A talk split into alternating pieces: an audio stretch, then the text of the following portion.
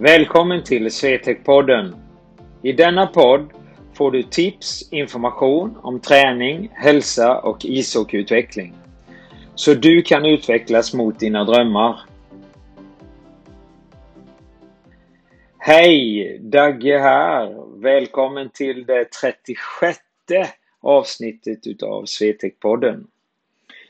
Idag så tänkte jag ta upp angående den moderna försäsongsträningen. Jag kan uppleva många gånger när man pratar om försäsongsträning till ishockeyspelare att, att det är väldigt mycket, ska vi säga, saker som fortfarande görs som gjordes liksom för 10-20 år sedan. Utvecklingen är inte så modern som man skulle kunna tänka sig. Och det gör mig lite frustrerad i många hänseenden. Att man inte förstår att fysträning är betydligt mycket mer än att kanske bara ja, springa eller göra armhävningar eller sit-ups. Det är träning. Men eh, för oss och för mig så är träning betydligt mycket mer. För det handlar faktiskt om i slutändan att jag ska skapa en prestation. Så när jag tänker på utveckling, då tänker jag ofta på hur kroppen jobbar samt hur den påverkas utav den träningen som jag bedriver. Och det här tror jag inte att alla tänker på när man gör de här träningsförutsättningarna för våra ungdomar och juniorer eller seniorer. Många utav de tränarna som bedriver de här olika träningsdelarna har kanske inte alltid den bästa förutsättningarna för att göra det här. Eh, man kanske inte har utbildningen utan många gånger så har jag en känsla av att man kör det som man själv körde. Och det kanske inte är den bästa och optimalaste förutsättningarna. Så därför så tänker jag mig ofta att själva klubbträningar och även ibland annan träning som bedrivs på vanliga gym inte har så stor påverkan på era resultat i slutändan. Så vill ni ta steget längre och framförallt att nå kanske er bästa potential så vill jag kanske att ni ska tänka lite mer utanför era ramar helt enkelt. Men det som är viktigt att förstå tror jag att ni ska få en större inblick i det här med den moderna fysträningen. Det är hur kroppen fungerar och hur den påverkas på en hockeybana. Kroppen är ju skapt för att göra rörelse. Och det betyder ju att grunden är rörelse för rörelse. Så tänker ni efter på hur det ser ut på en ishockeybana så är det ju som så att i, vi har ju rörelse hela tiden. Det är ju framåt, bakåt, sida, sida och i rotationer. För vi skjuter, vi betacklar det vi har närkamper, vi gör movements hela tiden med kombinationer fötter med händer och hjärna. Vi skapar också olika riktningar i våra leder. Och man vet ju att lederna gör ju ungefär 2000 olika riktningsmoment. Så då vill vi ju kanske inte träna i en eller två vinklar som man ofta gör. Det är ingenting som är fel att göra det, men man kanske då ska göra en större variation då när man tränar. Och tittar man på den äldre träningen, om man uttrycker det så, så är den ju väldigt monotom och isolerad och då gör ni ju inte så mycket rörelse i vinklar. Vi på Swetec vill ju bygga då som sagt var hockeyatleter. Och det innebär att kroppen ska få och tåla hög belastning i prestation över tid. Man ska också kunna skapa en vävnadstolerans och en elasticitet i kroppen som gör att vi ska hålla oss eh, skadefria och tåla all då den här mängden utav träning och prestation i våra absolut högsta nivåer hela tiden. Så vi på Swetec, vi har fem delar som vi jobbar med i vår programmering. Så när vi kör våra träningspass så har vi ofta med nästan alla fem i själva träningen. Det kan hända ibland i vissa kortare pass att vi kanske tar två till tre. Men har vi då våra lite längre pass som är 35 till 40 minuter så får vi ofta med hela biten när vi tränar våra adepter. Nummer ett som vi tycker är grunden och basen för att man ska kunna nå de andra fyra. Det är ju uthålligheten. Och det är ju det centrala systemet. Och det är ju då hjärta och lunga. Vi ska tåla eh, den här mjölksyretröskeln som vi har när vi får, som vi får då i puberteten till exempel. Så att den ska ligga så hög som möjligt. Och vi ska också kunna jobba över tid. Och det innebär ju att om vi har mycket matcher och mycket träning så ska kroppen också tåla den belastningen. Så att uthålligheten tycker vi är basen för att vi ska kunna liksom jobba med de andra delarna. Eh, ofta också när vi bygger den här delen i hockeyatleten så bygger vi det på vår fyspyramid för att vi tycker att det är viktigt att var tid har sin tid. Så att den första delen, uthålligheten, den ligger ju ofta i början. Och ni kan ju inte se att vi springer till exempel. Det finns ju inte på vår agenda. Utan vi jobbar här med kortintervallträning och även i många intervaller som gör då att vi ska få uthålligheten. Det kan också innebära att vi jobbar med lätta vikter eller lätta rörelser som vi ska göra många utav helt enkelt. Vi får då en uthållighet utav det. Nummer två som är också enormt viktig det är elasticiteten i strukturerna. Där kan vi ju tänka oss om ni får en bild framför det här med friidrottare. Många gånger när de när ni ser en friidrottare så kan ni se hur de håller på att studsa i sin träning. Typ som trestegshoppare. Ni ser de håller på mycket med studsuppvärmning och sådana här bitar.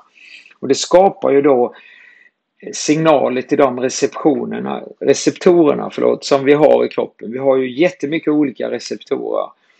Och just den här receptoren som ska påverka vår snabbhet och elasticiteten i kroppen, den sänder ju då signalerna upp till hjärnan och hjärnan sänder ut då de här signalerna till de här receptorerna som tar emot det och vi gör de här snabba rörelserna.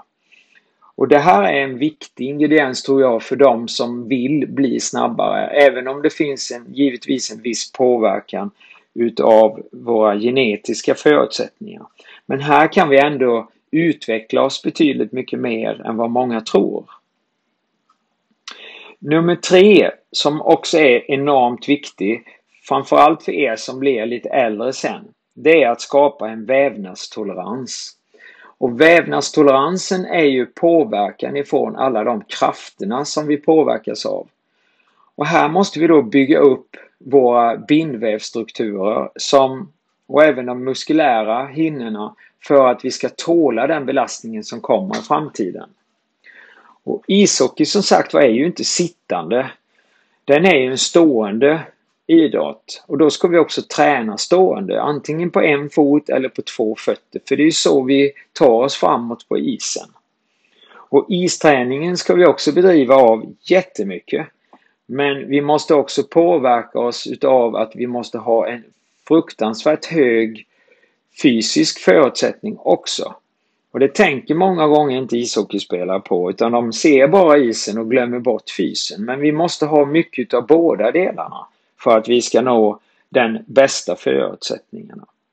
Så vävnadstoleransen, den ska vi då bygga upp för att vi sen när vi blir äldre får mycket mer kraft på oss. Till exempel att man ökar då med isolerade rörelser för att få ut de här kraftdelarna helt enkelt. Och det som man också då ska tänka på som är den fjärde delen, det är ju lederna. Lederna då skapar ju olika vinklar hela tiden och man har ju konstaterat att en led gör ju 2000 olika vinklar.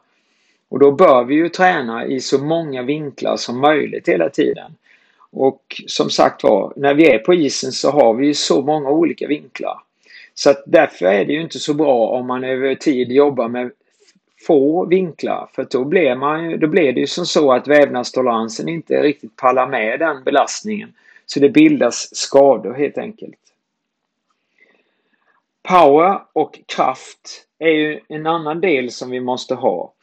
Det här bygger man ju ofta upp när man kommer upp lite i åren. Men som sagt var, man kan ändå jobba med det i yngre åldrar. Även om utvecklingen blir ju bäst över puberteten. Här handlar det också om att vi, det, det, är inte fel helt enkelt att köra olympiska lyft och den påverkan. Men bara inte det blir bara det i träningsprogrammen. Utan det ska vara en del utav träningsprogrammen. Så det tycker vi på Svetek är jätteviktigt att förstå. För att vi kan ju se här, om man tittar på ett program här som jag har fått ifrån en eh, hockeyspelare så är det ju väldigt, väldigt monoton träning som han har ritat till mig som han har fått utav en eh, tränare helt enkelt. Eh, jag tror inte att han kan nå sin fulla potential. Han kan säkert bli stark i vissa rörelser här. Men som hockeyspelare så kommer han bli väldigt klumpig och orörlig och inte få den effekten som jag tror att den här spelaren skulle vilja ha. Så att han kommer ju bli ganska chockad när jag nu ska lägga upp den strukturen till han. Och han har ju då valt att eh, boka sig på online-träningen som jag kommer tillbaka till lite om här senare hur den fungerar.